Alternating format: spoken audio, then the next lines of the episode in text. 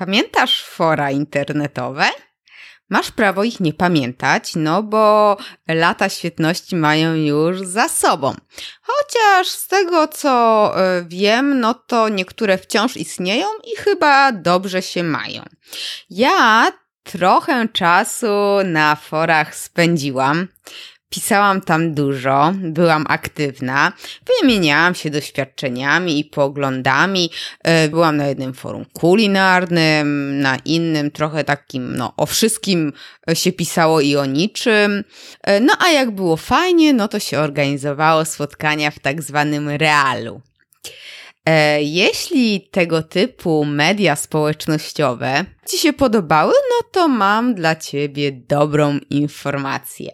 Niedawno weszła do polskiej części internetu lepsza wersja for, for, forów internetowych, nieważne. No. Liczby mnogiej forum internetowego. Quora to miejsce, w którym możesz zapytać o cokolwiek i uzyskać spersonalizowaną, e, napisaną specjalnie dla ciebie odpowiedź. I to nawet nie jedno, możesz dopytać, kilka osób może tam ci udzielić. Coś takiego jak e, było na, na forach internetowych, jak jest dalej na forach internetowych, ale z tą różnicą, że tutaj no tak naprawdę wątków jest ogrom. Można zapytać, no, każdy coś znajdzie dla siebie. Być może Quory kojarzysz, bo jej wersja anglojęzyczna e, w polskiej e, części internetu też jest dosyć znana, więc być może e, kojarzysz, no ale teraz mamy Quora po polsku. No i mm, Quora to jest takie miejsce, w którym możesz edukować się, uczyć, e, pomagać innym, ale też budować markę osobistą i nawiązywać relacje. Mm, prywatne czy też biznesowe. No i o tym, jakie korzyści płyną z obecności na Quora po polsku, e, jak można wykorzystać ją do marketingu marki, firmy, czy też budowania relacji biznesowych, rozmawiam e, z Glorią, która jest community managerem Quora po polsku. Zapraszam Cię serdecznie do wysłuchania naszej rozmowy. A, właśnie, jeszcze jedno, nim zapomnę bo na końcu pewnie zapomnę. E, jeśli, e, jak wielu z nas tutaj, ludzi, tak, jesteś przytłoczony nadmiarem informacji, jakie dobijają się do, do, do głowy, walczą o naszą uwagę, to chętnie podzielę się z Tobą perełkami, jakie ja wynajduję każdego dnia, każdego tygodnia. Jakieś artykuły, podcasty, filmy, raporty dotyczące biznesu, marketingu, sprzedaży. E, wysyłam je co piątek w ramach tak zwanej piątki online. Wysyłam na skrzynkę mailową. No i jeśli chcesz e, dostawać już takie wybrane te najlepsze e, materiały, no to wejdź na stronę achmieleska.com łamane na PO, jak piątka online, żeby było jasne, e, czyli achmieleska.com łamane na PO, no i zostaw e-mail do siebie. Nie przedłużając, zapraszam do słuchania. Cześć, ja nazywam się Agata Chmielewska, a w tym podcaście dowiesz się, jak wykorzystać internet do rozwoju biznesu i samego siebie. Cześć, e, cieszę się naszą, na naszą rozmowę. Powiedz proszę dosłownie w dwóch zdaniach coś o sobie, y, żeby y, słuchacze mogli lepiej Cię poznać. Cześć, dzięki za zaproszenie. E, nazywam się Gloria Zięcina-Kawula i jestem community managerem Quora po polsku, e, czyli na co dzień zajmuję się tym, co lubię najbardziej, czyli budowaniem społeczności online. Mm, poza tym jestem wielką fanką Instagrama i bardzo zaangażowaną użytkowniczką. Z Instagrama też e, szkole, doradzam, prowadzę audyty, więc jest to taka moja druga część, gdzie też uwielbiam budować społeczności wokół marek online. A prywatnie jestem fanką architektury, mojego ukochanego jamnika i koncertów rockowych. O, wow, to, to ostro. A powiedz właśnie, czym jest ta cała kłora? Quora to jest platforma pytań i odpowiedzi. To jest takie miejsce w internecie, gdzie każdy może zadać pytanie na dosłownie każdy temat, który go interesuje. E, zadać pytanie o to, jak działa świat, o to, jak działają relacje między ludźmi, o to, e, jaki na przykład program wybrać, jeżeli czegoś potrzebuje, e, poprosić o poradę, czy na przykład wysłuchać doświadczeń innych ludzi na dany temat i miejsce, gdzie piszemy odpowiedzi na te wszystkie pytania, czyli dzielimy się swoimi doświadczeniami, dzielimy się swoją wiedzą, czy to zawodową, czy tego, co nauczyliśmy się przy okazji uprawiania jakiegoś hobby, mówimy o swoich zainteresowaniach, a przez to też trochę budujemy taką swoją markę osobistą eksperta w danym temacie. Okej, okay, ale to, to nie jest tak, że my pytamy o to Google'a i Google nam odpowiada? Często pytamy Google i często wtedy na przykład w anglojęzycznej wersji na ten moment wyskakują nam na przykład właśnie odpowiedzi z Quory, bo e, to też nie jest tak, że mm, na wszystkie pytania odpowiedź jest zawsze jedna i taka sama.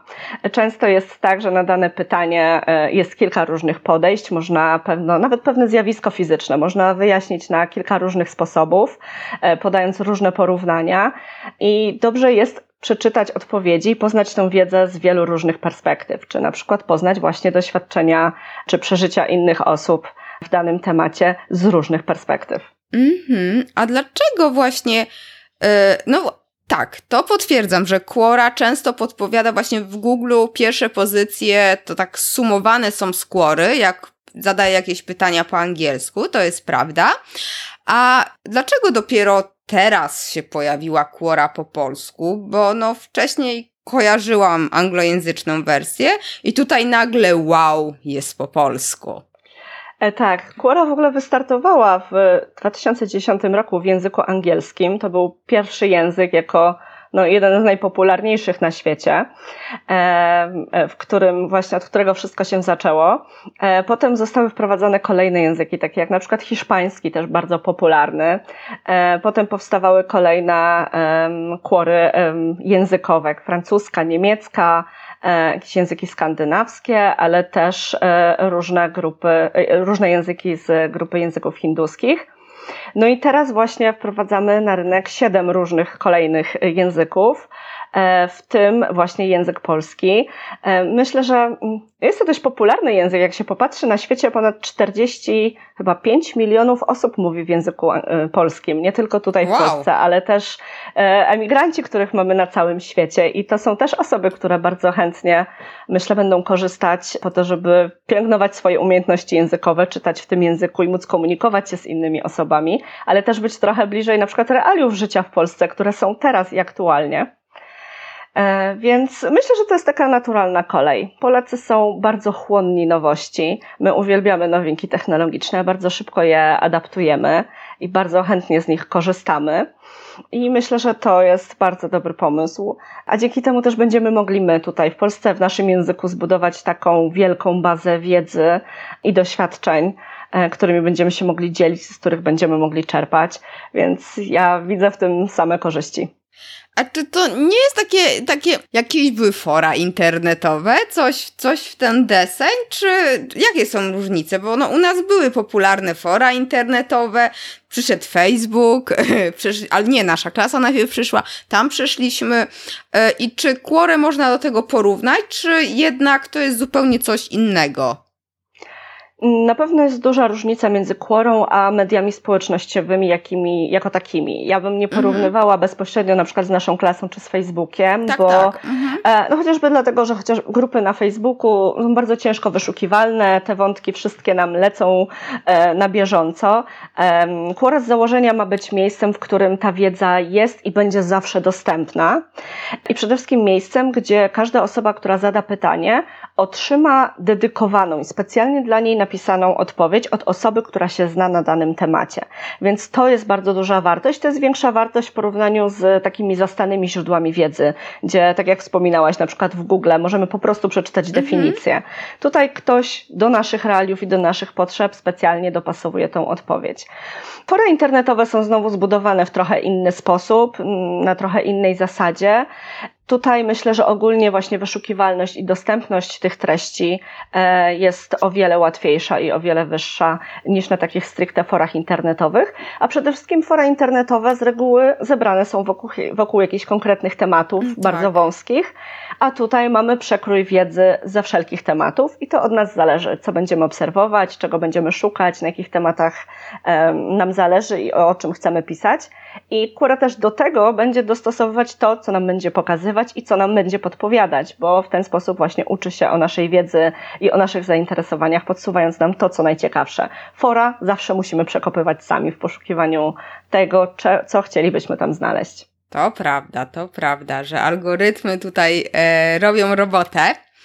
Mm, ja pamiętam, jak ktoś wrzucił na LinkedIna, że jest Quora po polsku i wow, i ktoś tam napisał, że ma osiem wejściówek i ja tak mówię, ale jak to? I później widzę, że nie ma tych już wejściówek. Ja mówię, ale o co chodzi? Dlaczego są wejściówki? Pamiętam, jak to było z Gmailem, Dropboxem, że to się prosiło, żeby się tam dostać i mówię, ja nie mam wejściówek, to ja tam nie idę, nie? I po prostu, ale sobie weszłam, wypełniłam zgłoszenie i się dostałam. Dlaczego właśnie ograniczyliście dostęp? Na wstęp tak naprawdę ograniczona liczba osób, ludzi, yy, no, przed oficjalnym uruchomieniem, takim wejściem otwartym, no, tak zrobiliście taką, taką strategię. Ja powiem więcej. Na początku jeszcze była taka tajna mała grupa użytkowników wyselekcjonowanych e, w fazie testów alfa, czyli zaraz po uruchomieniu platformy. E, potem to, o czym mówisz o zaproszeniach, to były zaproszenia już do tej wersji beta, czyli troszeczkę szerszej. Wynika to wszystko z tego, że cała platforma musiała zostać dostosowana do naszych polskich użytkowników. Każdy aspekt platformy, każde słowo, przycisk, każdy komunikat musiał zostać przetłumaczony. To wszystko musiało się ze sobą zgrywać, pokrywać i dalej zachowywać jakiś e, ciąg logiczny e, i zapewnić naszym użytkownikom intuicyjność korzystania. W związku z tym na samiutkim początku do Alfy zaprosiliśmy tylko tych najaktywniejszych użytkowników, którzy korzystali z Query po angielsku, takich można powiedzieć wyjadaczy, którzy doskonale wiedzieli, co jak powinno działać mhm. i byli w stanie też pokazać nam, gdzie jeszcze są jakieś błędy, niedoróbki, że na przykład czasem e, nie ma jakiejś funkcjonalności mm, jeszcze w tej fazie alfa, a pojawiają się komunikaty i tak dalej, więc ten ich wkład był tutaj dla nas bardzo, bardzo cenny, no bo mm, na przykład ja nie jestem w stanie przeklikać wszystkiego i przejść każdej ścieżki użytkownika, żeby się upewnić, że wszystko jest tak, jak powinno być. Tak. Kiedy już w zasadzie większość błędów została e, poprawiona, i z początkiem października, kiedy ruszyliśmy e, z tą wersją beta, każdy z użytkowników e, otrzymał po 10 zaproszeń, e, dzięki którym mógł też swoich znajomych, którzy już korzystali z Quory albo słyszeli o Quorze, zaprosić właśnie do, do tych testów. To już bardziej na zasadzie właśnie budowania takich podstaw kontentu, zadawania pytań, pisania odpowiedzi, zachęcania ludzi do interakcji. Można powiedzieć, że stworzenie takiego trochę modelowego środowiska, tak, żeby te osoby, które teraz po uruchomieniu wersji publicznej przyjdą i pojawią się e, na kłorze, żeby już mogły się rozejrzeć i zobaczyć, jak to działa, żeby mogły zobaczyć, jak wyglądają dobrze e, napisane i, i bardzo takie pełne odpowiedzi, jak wyglądają fajnie zrobione profile, jak wiele jest już pytań i tematów, do których po prostu mogą dołączyć, tak żeby jak przyjdą, to żeby już widziały, że, że też coś się dzieje, no a przy okazji też, żeby żeby jak najmniej błędów napotykały, bo udało się już je na wcześniejszych fazach e, wyeliminować. Tutaj też myślę fajnie trochę na polskich użytkowników zadziałała ta ekskluzywność, bo nawet był gdzieś taki wątek, że właśnie skończyły się zaproszenia, no i ja tam się zaoferowałam, że, że wrzuciłam link, że można tutaj wypełnić formularz i zaraz mi ktoś powiedział, nie psuj zabawy. To właśnie chodzi o to, żeby znaleźć teraz osobę, która mi da to zaproszenie i na tym polega cała zabawa. Ja mówię, okej, okay, super, więc widzę, że to akurat na naszych użytkowników też coś takiego zadziałało. I dzięki temu też więcej się pojawiło, myślę, jakichś tam tweetów, postów na Facebooku czy LinkedInie z informacjami, mam zaproszenie, albo czy ktoś ma zaproszenie. Tak. Także to też zadziałało marketingowo. Tak, ale ja to widziałam, wiesz, ja tutaj widzę, tutaj ktoś wrzucił, już nie mam, tutaj ktoś wrzucił, były pytania, kto ma? Ja tak mówię, ojeju, co tutaj się dzieje? Wiesz, tak mówię, dobra, ja czekam, ale jakoś tak, ty akceptowałaś, tak? Yy, przyjmowałaś te, te zgłoszenia? Czy to jakiś tak, automat? Nie, nie. W większości ja Generalnie użytkownicy, którzy właśnie wypełnili to zgłoszenie, podzielili się informacjami, na czym się znają, w jakich są branżach, czy osoby, które miały już profile na, na tej kłorze anglojęzycznej, one się wtedy linkowały. Wtedy byliśmy w stanie właśnie ocenić też, czy czy to są osoby, które już korzystały, czy, czy osoby, które faktycznie chcą się wypowiedzieć na jakiś temat. I takie osoby właśnie zostały zaproszone do tej fazy beta. A, to mi się, mi się udało. A powiedz, a jak... Jesteś ekspertem. tak. A powiedz mi, y, jak to się stało, że, że jesteś tym community managerem i co w ogóle robisz na tej kłorze? Bo właśnie, czy jest jakiś większy zespół w Polsce, czy tylko ty? Jak to wygląda właśnie od tej strony tam, e, e, której nie widzimy? Mhm. Więc do kury dołączyłam, e, ponieważ e, znajoma osoba podesłała mi informację o tym, że chodzą słuchy o tym, że będzie e, uruchamiana polska wersja językowa, a ja jestem użytkownikiem Quory takim dość aktywnym tej anglojęzycznej wersji tak. od 2015 roku. Ja tam już ponad tysiąc odpowiedzi zdążyłam napisać przez ten czas. I, e, I właśnie dlatego organizowałam też w ogóle w Polsce takie mm, spotkania kłorowiczów, które mm, się odbywają raz do roku, więc byłam mocno w ten temat zaangażowana i zawsze zachęcałam wszystkich, żeby tam przychodzili, bo jest fajnie, można się podzielić wiedzą i, i zdobyć też bezcenną wiedzę. I jak zobaczyłam, że jest taka oferta i e, namiar na osobę, z którą się trzeba skontaktować, no to stwierdziłam, że no co mi szkodzi zapytać? Pewnie nic z tego nie będzie, no bo jednak startup Kalifornia, te sprawy, nie? E, no ale bardzo fajnie nam się rozmawiało z moją aktualną menedżerką. Potem rozmawiałam jeszcze z osobą, która w ogóle zarządza całymi takimi relacjami, e, zespołem, który dba o relacje z, z użytkownikami. No i postanowili złożyć mi ofertę. No i tak to się wszystko zaczęło, ku mojemu nadal wielkiemu zaskoczeniu. I e, ja w ogóle uwielbiam budować rzeczy od początku, więc dla mnie to jest niesamowita przygoda i tutaj właśnie zaczynaliśmy od samego początku, bo od, poczynając od tłumaczenia całej platformy, gdzie oczywiście mieliśmy tłumacza, e, który pomagał w tym wszystkim, ale jednak to jest osoba, która po prostu przekłada z języka na język. Tak. Ja jako użytkownik, jako osoba, która zna to środowisko, też e, miała za zadanie zweryfikować trafność tych tłumaczeń, komunikatów, które są tłumaczone, bo po prostu znam no, specyfikę samego narzędzia. Mm, więc to była też rzecz, cała praca z tą tą lokalizacją produktu. To była też dla mnie nowość i, i też bardzo fajny taki pierwszy etap. Mieliśmy mnóstwo różnych szkoleń, które nas miały przygotować i do pracy z samym produktem, i z narzędziami, których po prostu używamy w zespole, i do zarządzania zespołem moderacji, który tą moderacją się zajmuje. Ja, jako community manager, mojej mamie to tak zawsze tłumaczę, że jestem takim kaowcem dbam o atmosferę na imprezie. E, I tutaj jest troszeczkę podobnie. E, na tych początkowych etapach alfy i bety byłam tą osobą, która e, miała za zadanie zebrać jak najwięcej feedbacku od użytkowników, dopilnować, żeby wszystkie błędy były pozgłaszane, potem nadzorować to, jak one są poprawiane, doprowadzać to wszystko do końca. W międzyczasie też dbać o to, żeby każdy z użytkowników wiedział, co może na tej kłorze zrobić, co działa fajnie, co działa mniej fajnie. Starałam się do każdej osoby wysyłać taką informację ze wskazówkami, e, jak pisać dobre odpowiedzi, e, o co trzeba zadbać, że warto wypełniać swój profil, warto pisać swoje, o swoich kwalifikacjach, bo dzięki temu ludzie nam będą zadawać pytania, ale też i sam algorytm będzie nam podsyłał pytania, na które możemy się wypowiedzieć. E, więc rząd takich, takich wskazówek. No ale też dużym, dużym zadaniem i dużą odpowiedzialnością jest to, żeby ci użytkownicy nie tylko założyli konto i zobaczyli, że w ogóle coś takiego istnieje, ale też, żeby się chcieli zaangażować, żeby ich chcieli szukać i żeby chcieli zadawać pytania i żeby odważyli się wypowiedzieć. Więc tutaj też trzeba ich trochę pozachęcać, czasem trzeba im właśnie podrzucić jakieś fajne, specjalne pytania, szczególnie na tym samym początku, kiedy ich y, nie było praktycznie wcale To było bardzo ważne, kiedy przychodzili eksperci z różnych dziedzin, czy to marketing, PR, czy mm, programiści, e, coś Scrum Masterzy na przykład, właśnie żeby specjalnie znaleźć, wymyślić i przygotować dla nich takie pytania, gdzie oni już mogą zacząć się angażować, żeby pokazać im na tym nawet bardzo wczesnym etapie już jakąś tam wartość i zadbać o tą aktywność. E, teraz, e, kiedy już wchodzimy w tą, w tą fazę publiczną, e, wiadomo, ten ruch będzie o wiele większy, użytkowników będzie o wiele więcej.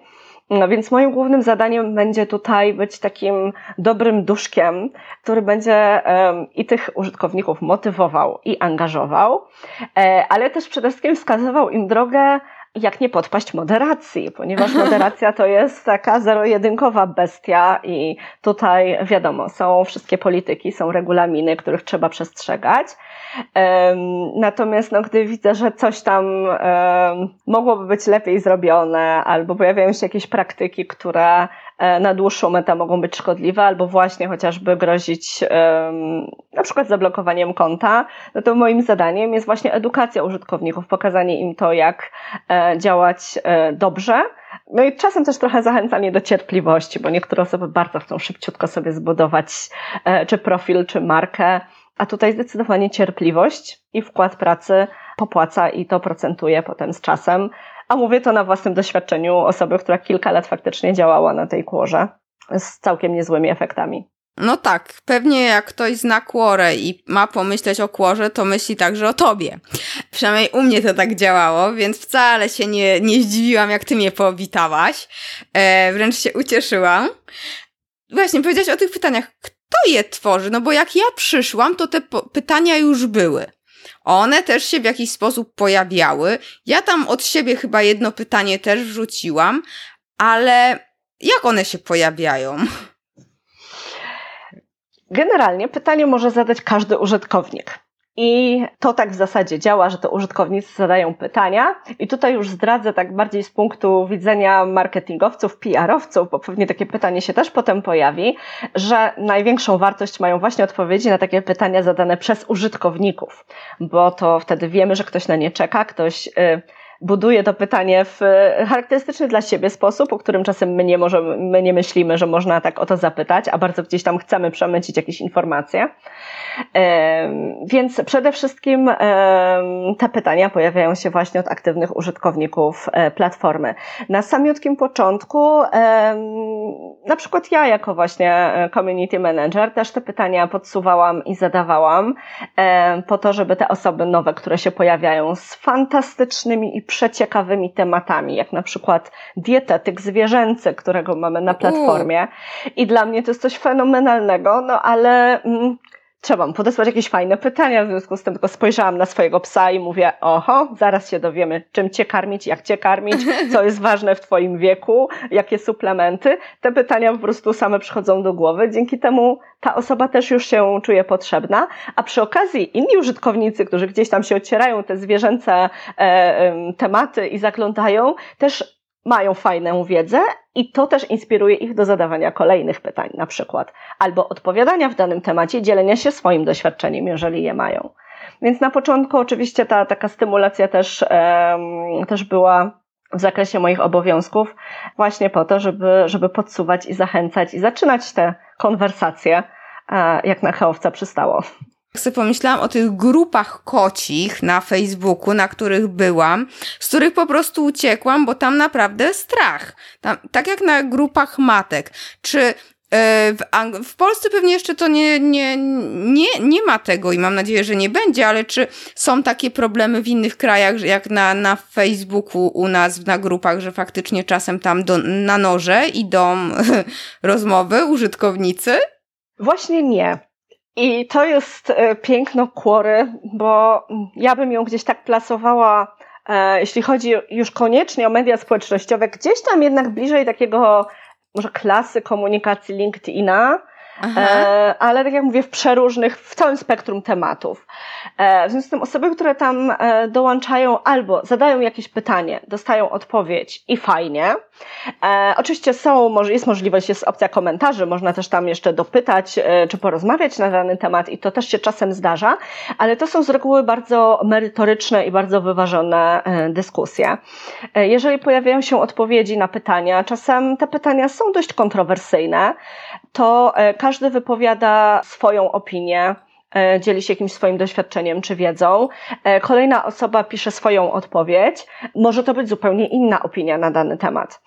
I teraz, tak na dobrą sprawę, nikt nie wchodzi z nikim w starcie, bo każdy ma świadomość, że chodzi o to, żeby tej osobie, która zadała pytanie, czy każdej, która to potem przeczyta, pokazać podejście do danego tematu um, z różnych stron. Tak? W tym przypadku oczywiście, kiedy nie pytamy jakąś twardą wiedzę typu e, dlaczego słońce świeci, mhm. tylko na przykład czy uważacie, że tam, sądy powinny być niezależne od polityki, albo czy uważacie, że takie postępowanie wobec bliskich osób jest ok, albo nie jest. Czy spotkaliście się z czymś takim, albo z, czy macie jakieś inne doświadczenia na dany temat. Mm, w związku z tym właśnie to jest bardziej nastawione na to, że każdy się, każdy się dzieli.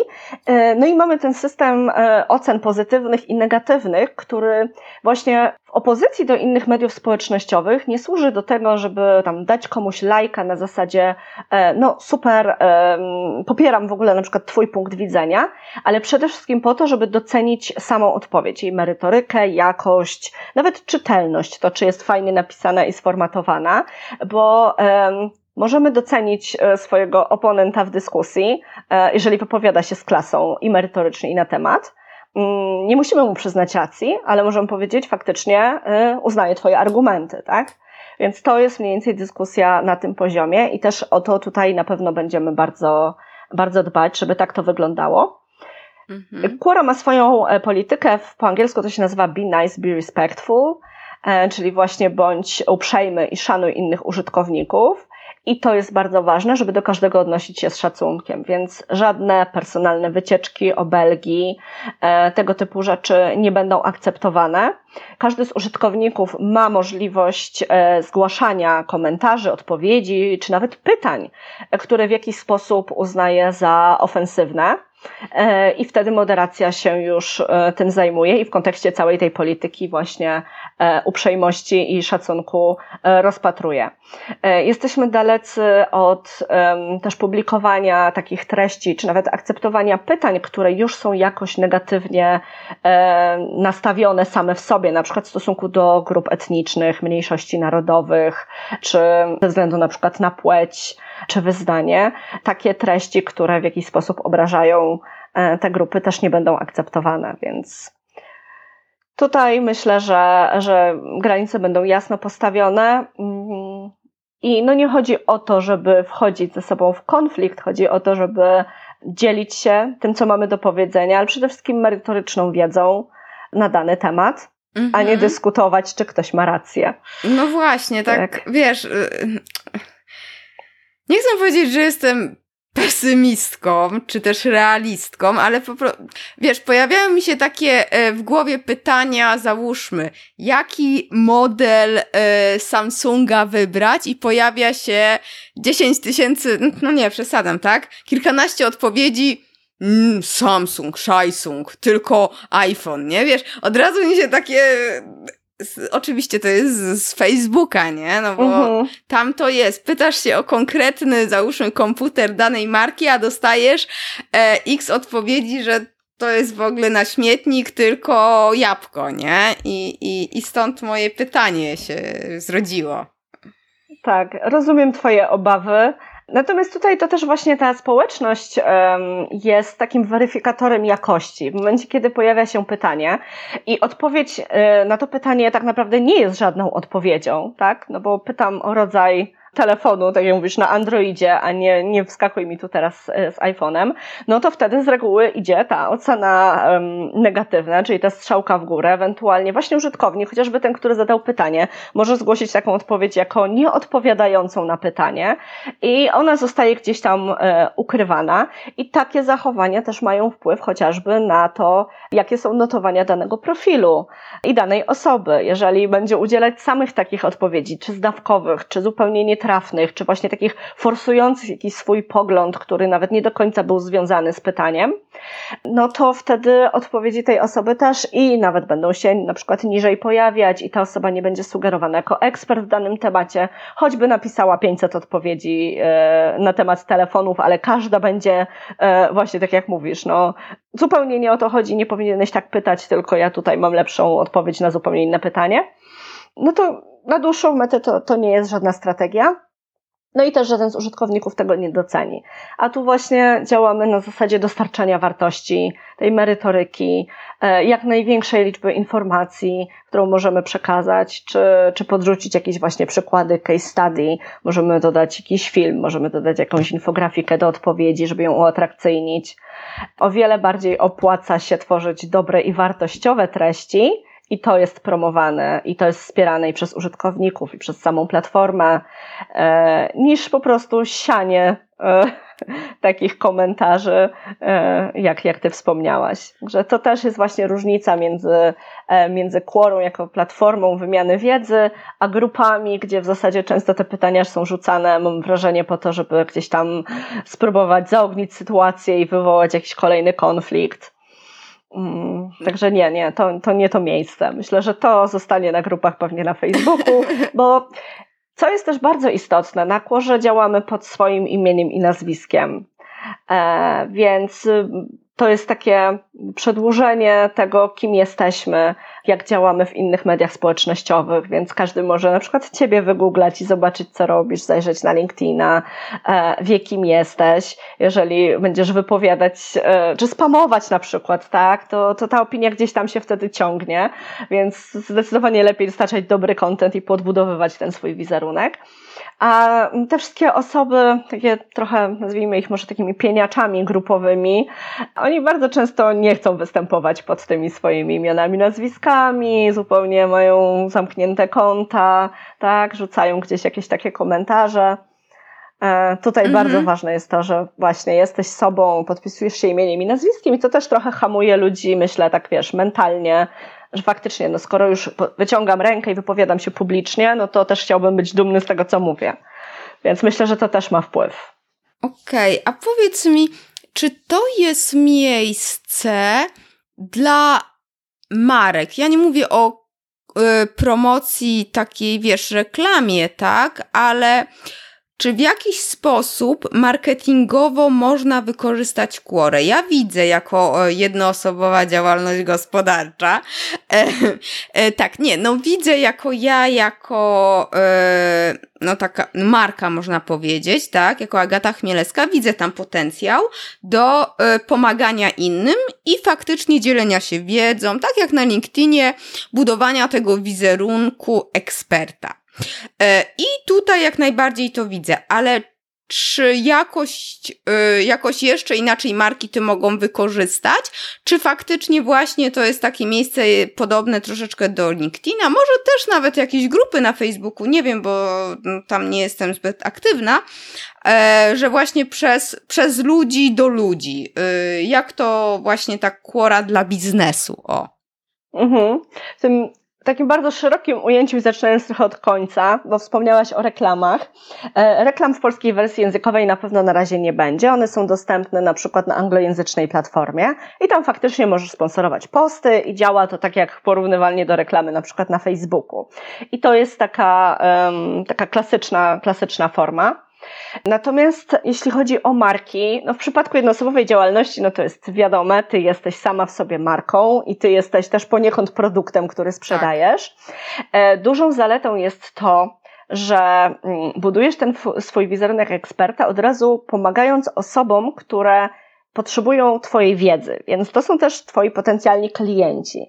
Więc jeżeli oni od Ciebie otrzymują wsparcie, buduje się to zaufanie do Ciebie, widać, że wypowiadasz się merytorycznie, że znasz się na tym, e, co robisz, więc w momencie, kiedy przyjdzie sytuacja, że musi taka osoba podjąć jakąś decyzję, wybrać kogoś do współpracy, wielce prawdopodobne, że będziesz na szczycie tej listy, ponieważ już w jakiś sposób ta osoba miała z Tobą kontakt, ma próbkę tego, co wiesz, nawet poznała już Twój styl pisania, więc ma jakiś ogląd na to, w jaki sposób się komunikujesz i czy, nazwijmy to kolokwialnie, jest jakaś tam chemia między Wami, czy ona może być po prostu przy tworzeniu wspólnego projektu. Natomiast jeśli chodzi o, o większe firmy, no to ja przez kilka lat działania na kłorze i prac, pracowania e, w Brand24 też wykorzystywałam to medium w wersji anglojęzycznej do budowania wizerunku marki e, startupu. No i po pierwsze, zawsze robimy to z poziomu konta osobistego, z imienia i nazwiska, więc jesteśmy prawdziwą osobą z krwi i kości, więc to też działa o wiele lepiej niż nawet gdyby to było możliwe zakładanie konta firmowego, bo no, human to human, tak? tak? Wolimy budować relacje z innymi ludźmi. To jest jasne. Druga sprawa. Zawsze w bio swoim e, na kłorze czy e, w swoich kwalifikacjach możesz wpisać swoje miejsce pracy, firmę, którą reprezentujesz. Przy tak naprawdę każdej odpowiedzi, którą piszesz, możesz osobno napisać kwalifikacje, więc e, jeżeli wypowiadasz się na jakiś zupełnie temat niezwiązany z firmą, to też możesz tam napisać, e, dlaczego się wypowiadasz. Na przykład, czy często podróżujesz i wtedy wiadomo, że udzielasz odpowiedzi na temat na przykład lotów i szukania atrakcyjnych ofert na, na bilety lotnicze, bo podróżujesz, tak? To też daje od razu zaufanie, że Twoja odpowiedź jest merytoryczna, no bo widać, że masz jakieś doświadczenie w danym temacie. No i tutaj wracając do tych działań firmowych, zawsze, ale to zawsze w takich właśnie kwalifikacjach do odpowiedzi, e, warto podpisywać się tym, że jest się z danej firmy, nawet jeżeli miałabyś polecić konkretne usługi, czy konkretny produkt, na przykład za który odpowiadasz. Bo z jednej strony, no niby wtedy osoba, która to czyta, wie, że mm, a, pracujesz w tej firmie, to no. pewnie tylko dlatego to polecasz. Tak. Możesz pomyśleć, że to tak działa ale właśnie nie do końca. Po pierwsze, widać, że jesteś uczciwa tak, że piszesz szczerze. Coś takiego jak marketing szeptany, jakiś taki marketing, wiesz, poleceń tajnych, to w ogóle absolutnie nie ma racji bytu e, na kłorze i bardzo szybko jest eliminowane jako spam. Natomiast jeżeli jest to merytoryczna odpowiedź osoby, która pracuje w danej firmie, nawet na temat produktu i zawiera jakieś tam polecenie tego produktu, e, to taka odpowiedź jest uznawana za pomocną. Bo tak naprawdę niewiele jest pytań, takich stricte o to na przykład, jaki konkretnie produkt, no załóżmy, do monitorowania mediów, tak?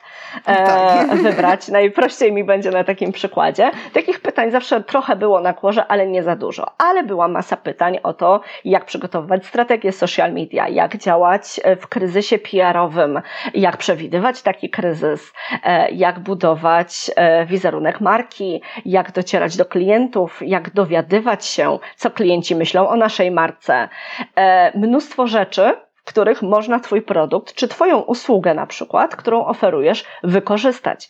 I wtedy te odpowiedzi, nieraz to były odpowiedzi pisane po 45 minut, gdzie był zarys całej strategii, gdzie przy okazji tam było wymienione rzeczywiście, możesz fajnie się sprawdzą narzędzia do monitoringu e, e, w takiej działalności. No jest ich wiele na rynku. Ja oczywiście bym poleciła ten, bo jestem w niego zaangażowana. No i to, czy ta osoba zdecyduje, że chce skorzystać, czy nie, to jest już inna kwestia, ale z doświadczenia Ci powiem, że jeżeli faktycznie dowodzisz świetną wartość, jesteś aktywna, budujesz ten wizerunek, to te osoby same chętnie wchodzą na profil, czy sprawdzają właśnie w tym Twoim opisie, skąd jesteś, jaki produkt firmę reprezentujesz, bo zbudowałaś to zaufanie, i zbudowałaś ten swój wizerunek eksperta i mm, to jest ciężka praca i ona procentuje dopiero po czasie. E, na to też trzeba być przygotowanym.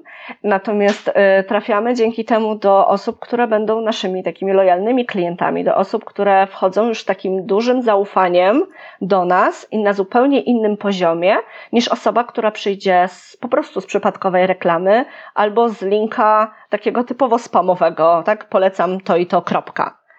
Tak. Kiedy dostanie, wiesz, pełną, pełną informację, zobaczysz, że jesteś aktywna, że piszesz w różnych dziedzinach związanych z tym, co robisz, że chętnie się tym dzielisz, że chętnie współpracujesz, to faktycznie, to faktycznie przynosi e, benefity na dłuższą metę. Więc myślę, że warto zaangażować czas i tak e, stawiać przede wszystkim na jakość, a nie na ilość. Ale jakość tutaj naprawdę jest najważniejsza.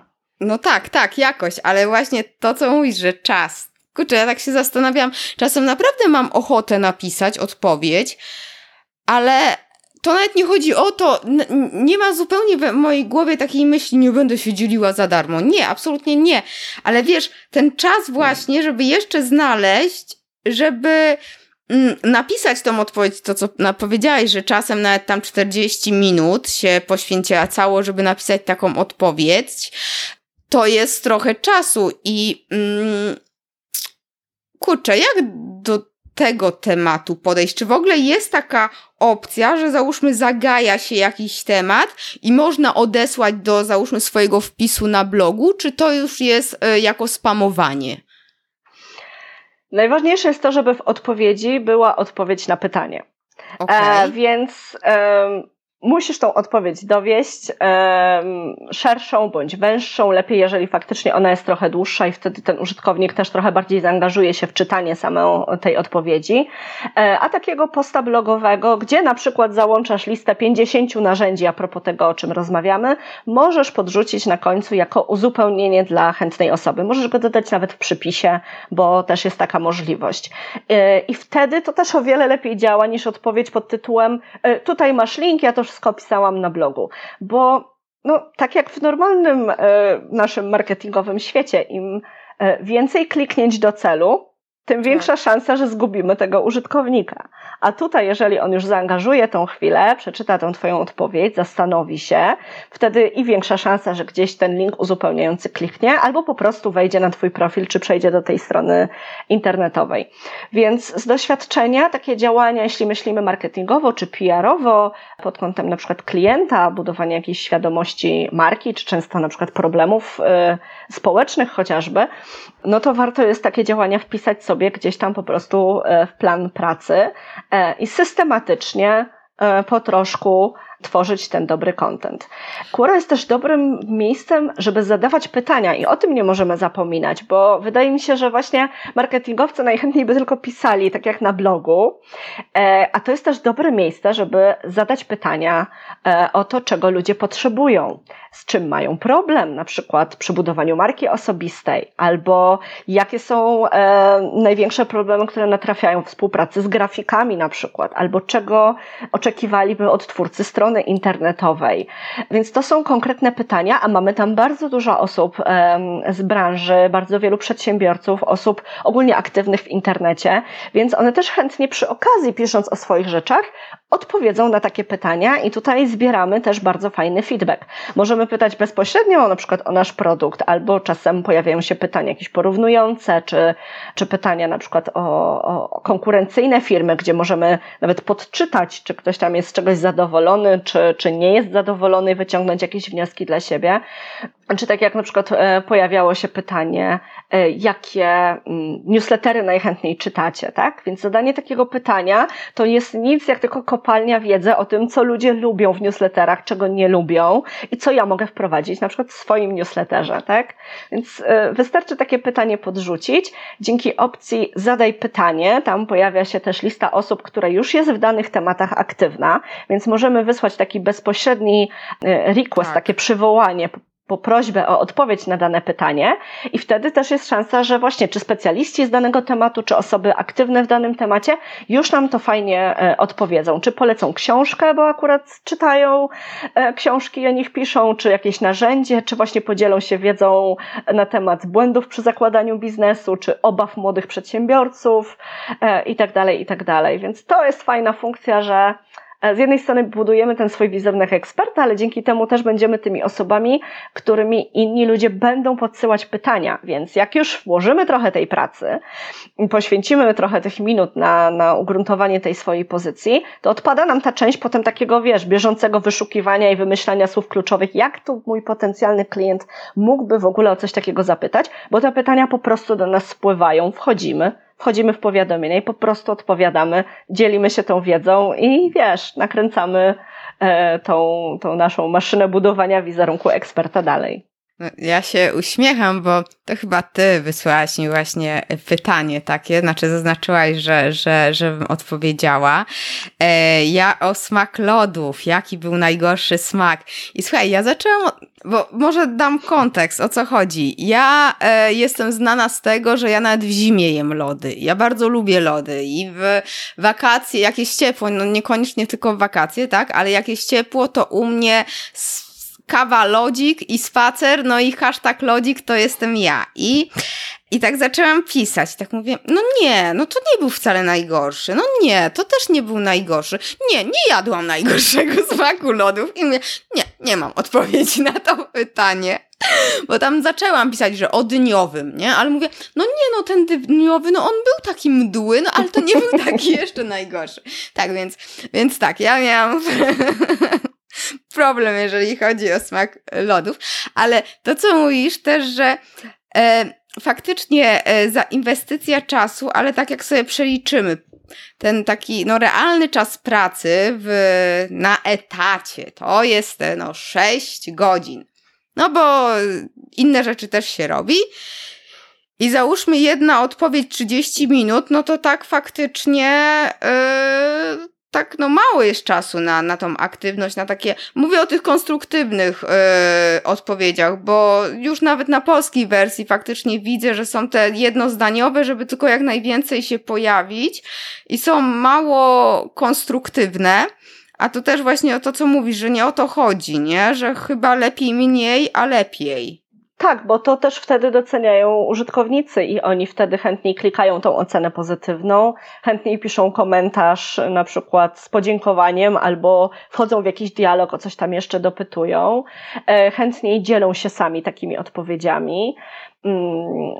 Odpowiedzi można też udostępniać e, na zewnątrz, linkować, e, czy, czy udostępniać na przykład do siebie na ten swój profil, jeżeli coś faktycznie e, przykuje naszą uwagę i chcemy kogoś docenić.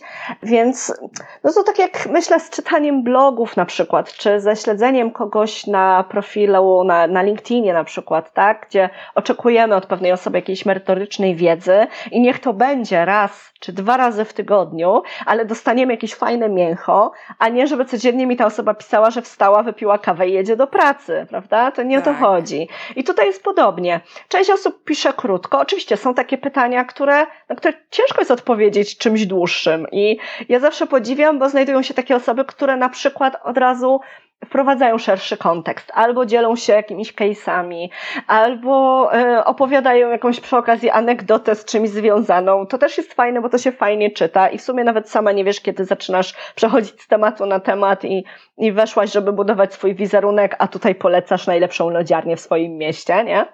Ale takie odpowiedzi y, też są cenne, E, z punktu widzenia użytkowników. Jeżeli faktycznie e, pytanie tego wymaga, ta krótka odpowiedź też ma rację bytu, a czasem takie krótsze są też fajne, jak włączasz Quora i tak chcesz się rozpisać, no to zaczynasz od jakiegoś miękkiego tematu, takiego, e, o którym możesz coś powiedzieć, czy wrzucić jakieś zdjęcie. Więc te pytania takie a propos wspomnień z dzieciństwa, ulubionych, nie wiem, teleturniejów, czy, czy właśnie ulubionego smaku lodów, to jest taka rzecz, gdzie nie chcesz, nie musisz odpowiadać. Takie wezwanie do odpowiedzi też możesz odrzucić. Dzięki temu też algorytm się nauczy, na przykład, żeby cię nie sugerować w danym temacie. Więc tu też trzeba pamiętać o tym, że trzeba go na początku sobie troszeczkę wyszkolić, klikając to, co, co nam się podoba, tak. na przykład właśnie dając te oceny pozytywne pod odpowiedziami, które doceniamy, mm, czy obserwując tematy, które nas interesują i wtedy też troszeczkę sobie to profilując, więc to, czy co będziesz widzieć na dłuższą metę w tym głównym feedzie, czy właśnie te zapytania, które będziesz otrzymywać, to też zależy od tej aktywności, więc warto ją na jakimś tak. tam poziomie y, utrzymywać najlepiej gdzieś w kalendarz sobie wpisać ten, jeżeli chcemy systematycznie działać i mamy plan, wpisać sobie w kalendarz te pół godzinki na przykład. Może to być jedne pół godzinki, że sobie będziemy szukać pytań, a jutro sobie na nie odpowiemy. Nie zawsze jest flow do pisania. E, e, wiem, wiem też, jak to wygląda z, z tej perspektywy. Czasem czytanie innych osób inspiruje nas do zadania na przykład pytań albo poruszenia jakiegoś innego tematu, czy poszukania e, pytań, na które mogłabym odpowiedzieć w tym kontekście kontekście, e, no to wciąga. Trzeba uważać, bo to wciąga. No tak, na pewno, zwłaszcza jeżeli się jest w jakimś temacie, który w jakiś sposób cię angażuje. Ja na razie faktycznie siedziałam tylko w tych marketingowych, a chyba troszeczkę też tak bojąc wchodzić w inne, w inne tematyki, bo faktycznie, jeżeli mamy czymś się interesujemy, to możemy przepaść. E, przepadnąć, przepaść, no nieważne, język polski trudny język. E, a powiedz mi jeszcze, mm, czy jakoś można określić grupę docelową dla firm? Jakoś tak, no, określić osoby, które tam są, tak? No okej, okay, różne zainteresowania, bo różne tematyki są poruszane, ale czy. Mm, no raczej tam nie będzie pani Krysi z sekretariatu, choć teraz to w sumie nie wiem, ale czy jakoś macie sprofilowane, jeżeli faktycznie można by było polecać jako mm, kanał marketingowy Quore, to określając właśnie no, potencjał dla, dla, dla, dla kogo? Bardzo ciężko jest mi odpowiedzieć na to pytanie w kontekście stricte polskiej kłory, e, ponieważ ona dopiero powstaje. Dopiero e, ruszyliśmy z wersją publiczną, e, ci użytkownicy dopiero przychodzą, tematy się dopiero rozwijają, więc jest jeszcze za wcześnie, żeby mówić, w którą stronę to tak konkretnie idzie. Mhm. Natomiast patrząc na taką światową populację Quorian, użytkowników Quory, bardzo Tak, kiedyś ktoś w ogóle tak mnie określił jakiś czas temu kłorianką i, i tak o, w sumie fajnie, no jest to jakaś inna planeta trochę, więc czemu nie. E, natomiast no, patrząc szerzej po użytkownikach Quory jako takiej w różnych językach, bardzo dużo osób, które tam jest, jest skupionych wokół tematów e, biznesowych, startupowych, przedsiębiorczości, IT. Bardzo duży, dużo osób zajmuje się tematami podróżowania, turystyki, wszelkich e, pobocznych rzeczy z tym związanych. Bardzo popularnym tematem są tematy takie mm, lifestyle'owe, życie, relacje międzyludzkie, też jakieś relacje na przykład romantyczne. To bardzo dużo pytań i porad y, też dotyczącej tej sfery życia się pojawia i, y, i ludzie też intensywnie o tym rozmawiają. Patrząc y, z mojego punktu widzenia, z tych paru lat doświadczenia pracy tak jakby na kłorze dla startupu, to zdecydowanie widziałam, że mm, te wszystkie produkty, które mają dość niski próg wejścia, czyli wszelkiego rodzaju właśnie SASy, nie mam jakieś aplikacje na stronie internetowej, gdzie wystarczy przejść na tą stronę, wpisać maila i tak naprawdę jesteśmy tak. już w produkcie, w jakimś demo, one mają wiele większą szansę na taką szybką konwersję i faktycznie nam to e, w Brand24 zawsze bardzo dobrze działało. Mm, I z tego co widzę, e, ludzie, którzy się zajmują innymi, e, innymi sasami, e, też sobie to chwalili. Natomiast na przykład zawsze ciężej będzie wielkim firmom, na przykład jakimś firmom, które no, piszą na przykład oprogramowania dla klientów, tak? Za, za olbrzymie pieniądze. Tak. Gdzie ten klient się zdarza na przykład raz, dwa razy w roku, ale mówimy już o ogromnych kwotach, no to Quorum nie będzie najlepszym miejscem, żeby jako tako szybko konwertować, ale może być świetnym miejscem, żeby badać na przykład potrzeby, e, albo żeby poszukiwać ekspertów. Przecież możemy też znaleźć taką osobę, która się wypowiada na dane tematy, widzimy, że jest ekspertem i możemy wciąć ją na przykład wciągnąć do siebie do firmy, albo zaprosić tak. jako gościa do podcastu, bo zna się na danym temacie, czy poprosić o artykuł gościnny, albo gdzieś tam współpracować, więc to też jest źródło poszukiwania ekspertów i ludzi, z którymi możemy pracować. Więc można to wtedy trochę tak wykorzystać. Mm, natomiast no tutaj zawsze no przez to budowanie marki osobistej um, jesteśmy w stanie gdzieś tam zaistnieć w świadomości innych osób. I, tak jak mówię, po jakimś czasie, w momencie, kiedy przyjdzie ten etap wyboru osoby, z którą chcemy współpracować, czy produktu, no to gdzieś już tam jesteśmy i to świta i, wiadomo, że ten ktoś się zna, albo wiadomo, że ta firma jest fajna, bo ludzie, którzy w jej imieniu, czy, czy mając e, ją w swoim e, bio wpisaną jako pracownicy, widać, że się znają na tym temacie, czyli ona też jest godna zaufania, tak? To w tą stronę bardziej działa. Na pewno nie jest to miejsce stricte do wrzucania i polecania produktów. E-commerce'om na pewno będzie trudno, chyba że mówimy o tematach typu, który e-commerce, który sklep internetowy ma najlepszą obsługę klienta. I wtedy możemy na przykład pochwalić się tym, co ludzie o nas piszą, tak? Wrzucić screeny, jakieś credentiale, mm, gdzie ludzie nas chwalą, za co nas chwalą i że faktycznie się staramy, a mieliśmy taki kryzys, a rozwiązaliśmy go tak. To będzie fajna, merytoryczna odpowiedź, która pokaże też innym, jak się zachować w danej sytuacji, a też pokaże, że my jako dana marka i dany sklep, który sprzedaje produkty, dbamy bardzo o klienta, więc jak ktoś będzie potrzebował, nie wiem, nawet kosiarki chociażby, tak? To może przyjdzie do nas, bo my mamy fajną o, um, obsługę klienta. Może możemy też się dzielić wiedzą, nie wiem, kiedy trawę lepiej kosić, a kiedy nie kosić, albo tak, jaką właśnie. odmianę zasiać, ale nie na zasadzie takiej właśnie, jak ktoś, um, nie wiem, pyta, co kupić komuś na prezent na Mikołaja, nie wskakujemy tam z linkiem, kup naszą kosiarkę, bo jest najlepsza, tutaj link do sklepu. No nie, to już no jest tak, spam. Tak, tak. Tak, tak, dokładnie. Wiesz, no właśnie, tak jak o tych pieskach mówiłaś, tam e, o dietetyku, tak, zwierzęcym, no to kurczę, jeżeli jest taka społeczność tam, no to jako ekspert występując, ale faktycznie nawet nie tyle e, pro, tylko polecając te nasze produkty, tylko ogólnie się udzielając tam, albo załóżmy moja, moja pani weterynarz, no super to brzmi, ale, ale myślę, że ona zbudowała markę, też będąc aktywną na grupach na Facebooku, tak? I jako fajnej osoby, albo po prostu najpierw, że ją ludzie kojarzyli, a że jest fajna, no to faktycznie teraz jest polecana i do niej są kolejki, nie? I, i mój kot tylko do niej chce chodzić, więc to Prawda? jest... W tym jest. Coś w tym jest. Ja na przykład nie do końca miałam świadomość, że istnieją osoby, które się zajmują tylko i wyłącznie dietami e, dla zwierząt. Też nie wiedziałam. E, I teraz na przykład wiem, że mogę z taką osobą skonsultować e, wyniki badań swojego tarutkiego już jamnika i e, biorąc pod uwagę wszelkie jakieś niedyspozycje i choroby, pomóc mu e, być zdrowym w sile wieku. I to jest też fajna opcja, więc widzisz, tu już zadziałał to, to taka podstawowa edukacyjna rzecz, że w ogóle wiesz, że są takie możliwości. Tak. Wiesz, że możesz dalej na przykład zadziałać w tym kierunku i jeżeli będę chciała i będę potrzebowała, no to pewnie albo będę szukać takiej osoby, jeżeli będę chciała bardzo to zrobić face to face gdzieś w okolicy, albo po prostu skontaktuję się internetowo właśnie z tą osobą, bo, bo udziela fajnych odpowiedzi. Mnie też już odpowiedziała na parę pytań, mm, właściwie odpowiedział pan dietetyk, więc, e, więc wiem, że w razie czego e, faktycznie mogę się udać e, po taką fachową pomoc. Czyli czyli już to zadziałało. Tutaj to wiesz, budowanie tej świadomości marki, świadomości, budowanie tych potrzeb. Do tej pory nie miałam tej potrzeby, a teraz się faktycznie nad tym zastanawiam. Czyli to już zadziałało na mnie, mm, halo, mimo że jestem odporna jako marketingowiec, przynajmniej tak by się wydawało.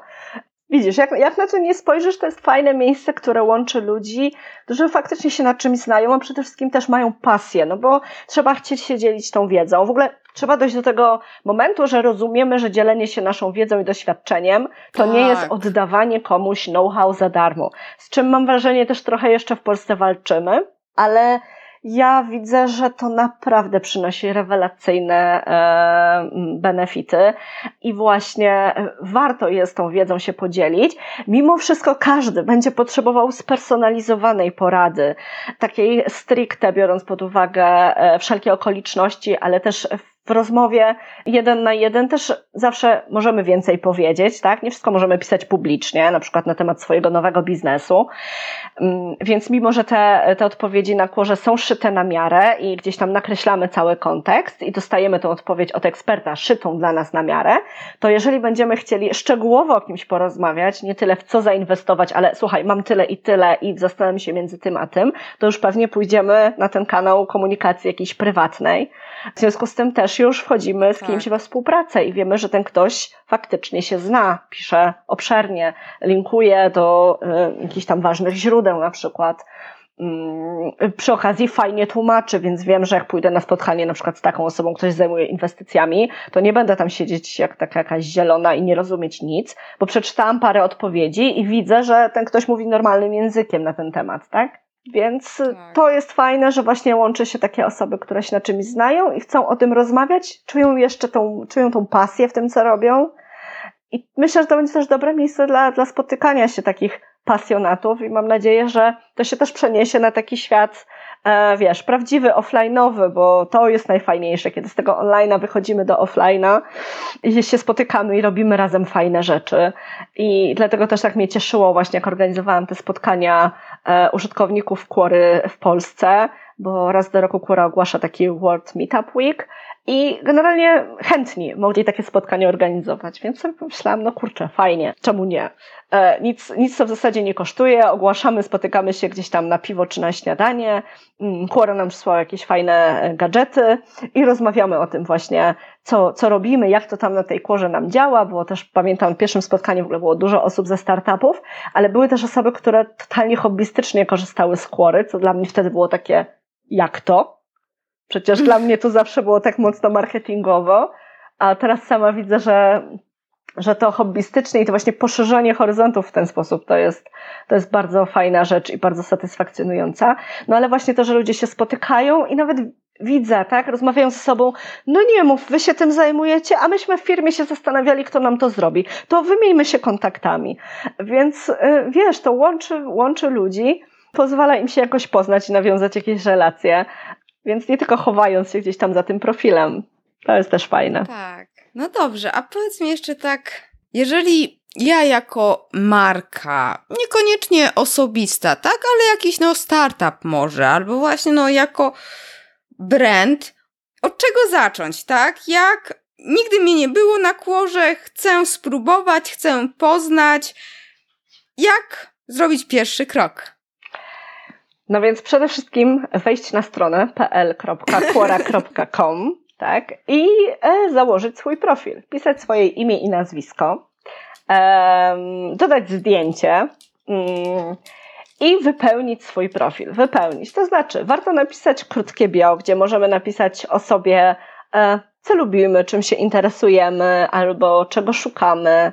Można tam nawet wrzucić zdjęcie albo gifa, albo, albo linka do, do wideo, jeżeli mamy taką ochotę. Po prawej stronie naszego profilu e, mamy opcje, które nazywają się kwalifikacjami i tam wpisujemy od takich rzeczy, na przykład w jakim mieście mieszkamy, przez to jakie mamy wykształcenie, po tematy, którymi się interesujemy i na których się znamy. No każdy z nas każdy, naprawdę, czasem się nie doceniamy, ale każdy z nas ma jakieś takie tematy, na których się zna. I może nam się to wydawać błahą rzeczą, ale gwarantuję, że jest masa osób, które chciałyby w tym temacie wiedzieć tyle, co my e, i będą takiej wiedzy potrzebować. Więc warto się chwilę zastanowić i napisać tam, wybrać te kilka tematów, e, takich, na których się faktycznie znamy, a potem, potem albo skorzystać z wyszukiwarki i poszukać tematy. Zresztą Kura na samym początku, przy pierwszym wejściu, też zawsze nas zapyta o to, co nas tam interesuje, żeby mniej więcej ten, tą podstawę treści, które nam pokaże, właśnie wybadać i przeanalizować. No i potem w tej wyszukiwarce możemy zacząć sobie powolutku szperać. Będą nam się pojawiały i tematy, możemy sobie zaobserwować cały temat, na przykład marketing albo y, startup, albo zupełnie coś innego, na przykład nie wiem, finanse. I wtedy w tym naszym głównym feedzie będą nam się pojawiać i pytania, i odpowiedzi nowe, które się w danym temacie pojawiły, tak że będziemy z tą tematyką w miarę na bieżąco. Możemy wpisywać słowa kluczowe w wyszukiwarce, szukać pytań, na które może chcielibyśmy odpowiedzieć, albo przynajmniej się rozejrzeć na początku, czy ludzie o takie rzeczy pytają, albo po prostu skorzystać z przycisku zadaj pytanie i zadać swoje pierwsze pytanie. Jeżeli ono będzie bardzo podobne do pytania, które już jest, to nam się tam pojawi odpowiednia informacja i wtedy możemy sobie na to pytanie przejść. A jeżeli zadajemy nowe pytanie, no po prostu je zadajemy. I tutaj ważną taką wskazówką jest to, żeby do tego pytania w następnym kroku dodać tematy, które to pytanie opisują. Mm, czyli jeżeli pytamy o to na przykład, jakie są metody utrzymania naszego klienta i zapobiegania jego odejściu, no to wybierzemy sobie tam tematy, na przykład biznes, mm, obsługa klienta. E, czasem są niektóre nazwy są anglojęzyczne i nie mamy polskich odpowiedników, więc one się też tam pojawią, mm, czy na przykład właśnie relacje z klientem, e, bo dzięki tym tematom osoby, które je obserwują, czy bo się znają, czy właśnie też chcą się z taką wiedzą zapoznać, one dostają to w tym swoim feedzie. W związku z tym dzięki temu mamy mm, od razu zapewnioną dystrybucję takiego pytania i wiemy, że ono trafi do osób z danej branży i większa szansa jest na to, że ktoś nam na nie odpowie. Jeżeli nie damy żadnego tematu, to jest szansa, że to pytanie gdzieś pod stertą innych pytań może przepaść, dopóki ktoś nie użyje jakiegoś słowa kluczowego, czy po prostu nie będzie takiego pytania wyszukiwał. Więc te tematy. Trzeci krok przy zadawaniu pytania to jest właśnie to, że możemy do odpowiedzi wezwać już konkretne osoby. I tam nam się zaczynają pojawiać osoby, które już w danych tematach były aktywne i przy nich też od razu wyświetla nam się takie krótki opis ich kwalifikacji, e, których najczęściej używają właśnie pisząc w danym temacie, tak? No bo na przykład ty możesz wyskakiwać e, w tematach związanych z podcastem jako osoba, która ma w tym doświadczenie i jak będę pytać o mikrofon do podcastów, to prawdopodobnie mnie ciebie zasugeruje, a z drugiej strony e, będziesz też sugerowana w innych tematach związanych z na przykład z, z budowaniem marki, mm, czy z marketingiem, mhm. prawda? Bo gdzieś tam napiszesz, że na przykład prowadzisz taką i taką firmę, albo zajmujesz się tym i tym przez od iluś tam lat. I wtedy ja chętniej wyślę do Ciebie takie zapytanie. Więc warto z tych wszystkich kroków przy zadawaniu pytań e, korzystać, żeby jak najszybciej tą odpowiedź uzyskać. No i tak naprawdę, czytając odpowiedzi, ja zawsze zachęcam do tego, żeby dawać tą strzałeczkę w górę, tą ocenę pozytywną, jeżeli faktycznie czegoś się dowiedzieliśmy, jeżeli odpowiedź jest dobrze napisana i to doceniamy, bo nas to nic nie kosztuje, to sprawia niesamowitą satysfakcję osobie, która poświęciła dużo czasu na to pytanie i to pewnie zrozumiemy trochę później już jako twórcy, ale w krótkoterminowej dla nas bonus jest taki, że właśnie w ten sposób też uczymy algorytm i takie fajne treści w tym temacie będą nam częściej pokazywane.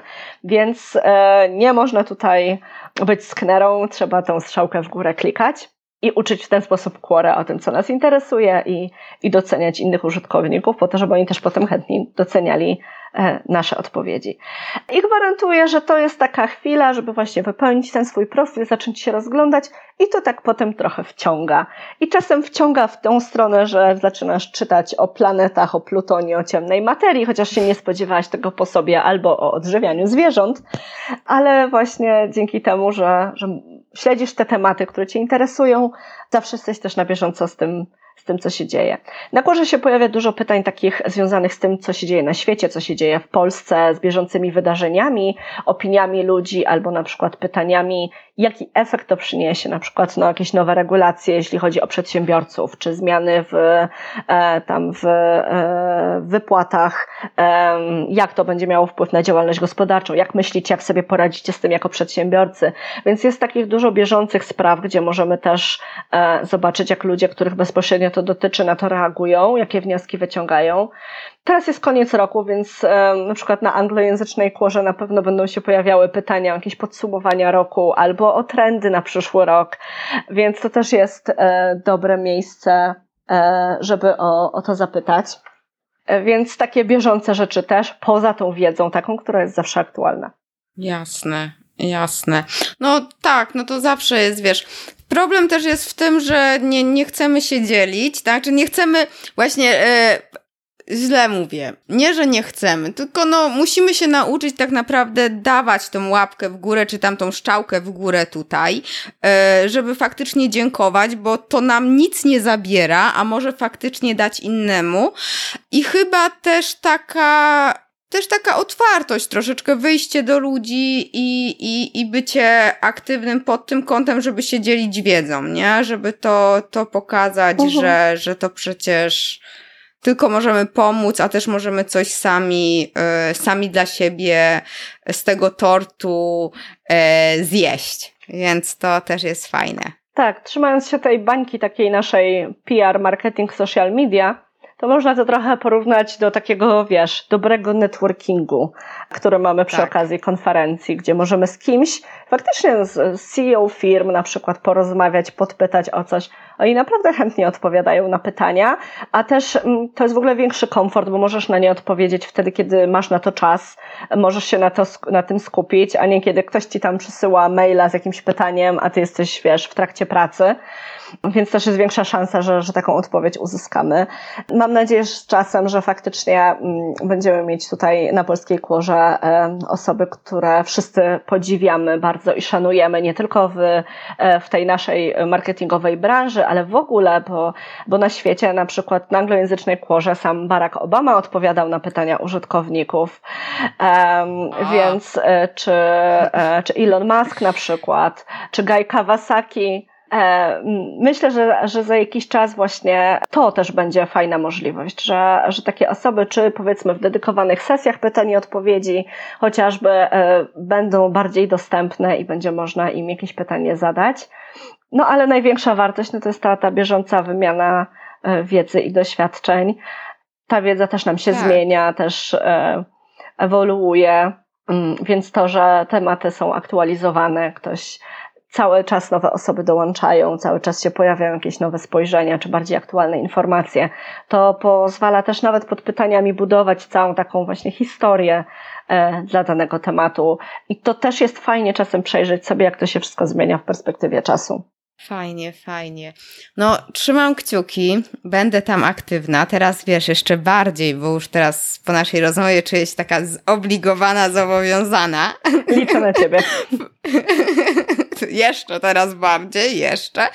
E, nie, no, no, tak, rozchodzi się tylko o czas, nie? A faktycznie ja jestem z tych, co by chciało, chciało dużo robić, dzielić się wiedzą i, i też właśnie do tego tak sobie podeszłam, że dodałam w pasku przeglądarki, tak, jest sobie odnośnik, żeby tak jak w brzuszek pajacyka klikać, tak chociaż systematycznie jedną, ale systematycznie dawać jakąś odpowiedź i, i faktycznie mm, w jakiś sposób y, tworzyć teraz też Quore w Polsce, bo to też tak naprawdę ta jest, no, ja mam przynajmniej poczucie takie, że coś tworzę. Nawet już nawet nie, nie, ja odrzucam to budowanie marki osobistej czy coś takiego, tylko w tym, że tworzę to, że, że tutaj po, jakaś moja cegiełka tam będzie. Zdecydowanie. Teraz są tworzone te podwaliny, ten fundament, więc e, bardzo warto wziąć w tym udział i, i być elementem tej, tej query i tego, jak to wszystko się rozwija i powstaje.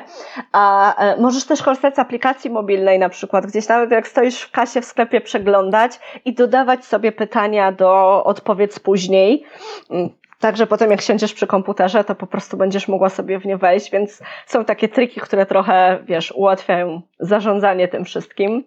E, też nie chodzi o to, żeby tonąć i odpływać, tylko właśnie, żeby też tak. sobie ten content przeglądać, wybierać i, i faktycznie no, zdobywać to, na czym nam zależy. To ja jeszcze taki trik swój dam, mhm. że jak się ma aplikację mobilną, to się bierze telefon, się na klawiaturce klika mikrofon i się mówi do tego telefonu.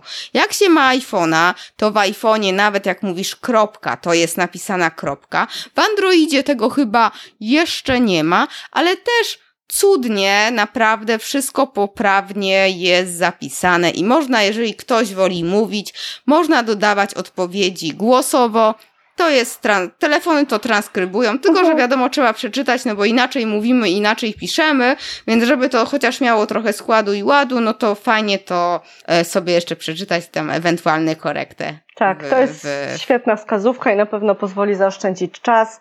Potem tylko tak jak mówisz, rzucić okiem, czy to jest poprawnie napisane, czy to jest też czytelne, żeby ten, to nie był blok tekstu tak. zlany, no bo to tak jak na blogu, jak tekst jest ładnie sformatowany, to po prostu chce się go czytać, a a chcemy, tak. żeby innym użytkownikom chciało się czytać te, co piszemy. Dokładnie, dokładnie. Super, ja Ci bardzo dziękuję. Trzymam kciuki i, e, i będę pomagać, będę pomagać tworzyć Quore i na pewno też będę obserwowała, jak to idzie e, dalej i no i co? I oczywiście podlinkuję też tam do, do do Twojego Instagrama mm, i też do profilu na Kłorze. Jeżeli ktoś by miał jakieś pytania, to, to będzie mógł uderzać. I bardzo Ci dziękuję za poświęcony czas, no i, i, i mam nadzieję, że na, do spotkania na żywo na jakimś evencie Kłory. Bardzo Ci dziękuję za zaproszenie. Bardzo mi było miło. E, mam nadzieję, że się zobaczymy e, niedługo.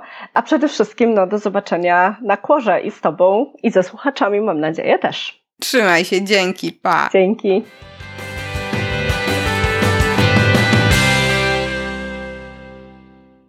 To jak? Widzimy się na Quora po polsku? A może już tam jesteś? Może korzystałeś z wersji anglojęzycznej? Daj mi znać, co sądzisz o idei, jaka e, za nią stoi i czy Twoim zdaniem możesz ją wykorzystać biznesowo. Zostaw komentarz na achmieleska.com łamane na 057.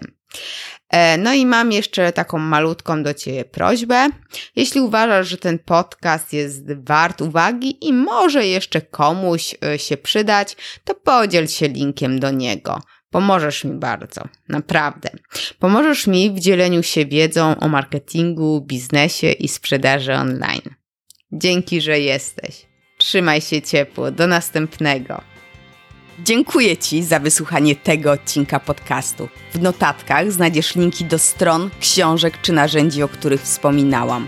Zapraszam Cię także na mój blog achmieleska.com łamane na blog. Jeśli uważasz, że ten podcast może być pomocny także innym osobom, poinformuj ich o nim, a także zostaw opinię na iTunes. Niech konwersja i uśmiech będą z Tobą.